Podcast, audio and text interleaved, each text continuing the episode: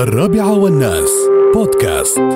وطبعا آه، تاريخ 15 إن شاء الله 15 7 يعني بعد 13 يوم بالضبط انطلاق مسبار الأمل إلى المريخ من اليابان وفرق العمل الآن موجوده في آه، في في اليابان وللترتيبات النهائية لإطلاق مسبار الأمل إن شاء الله.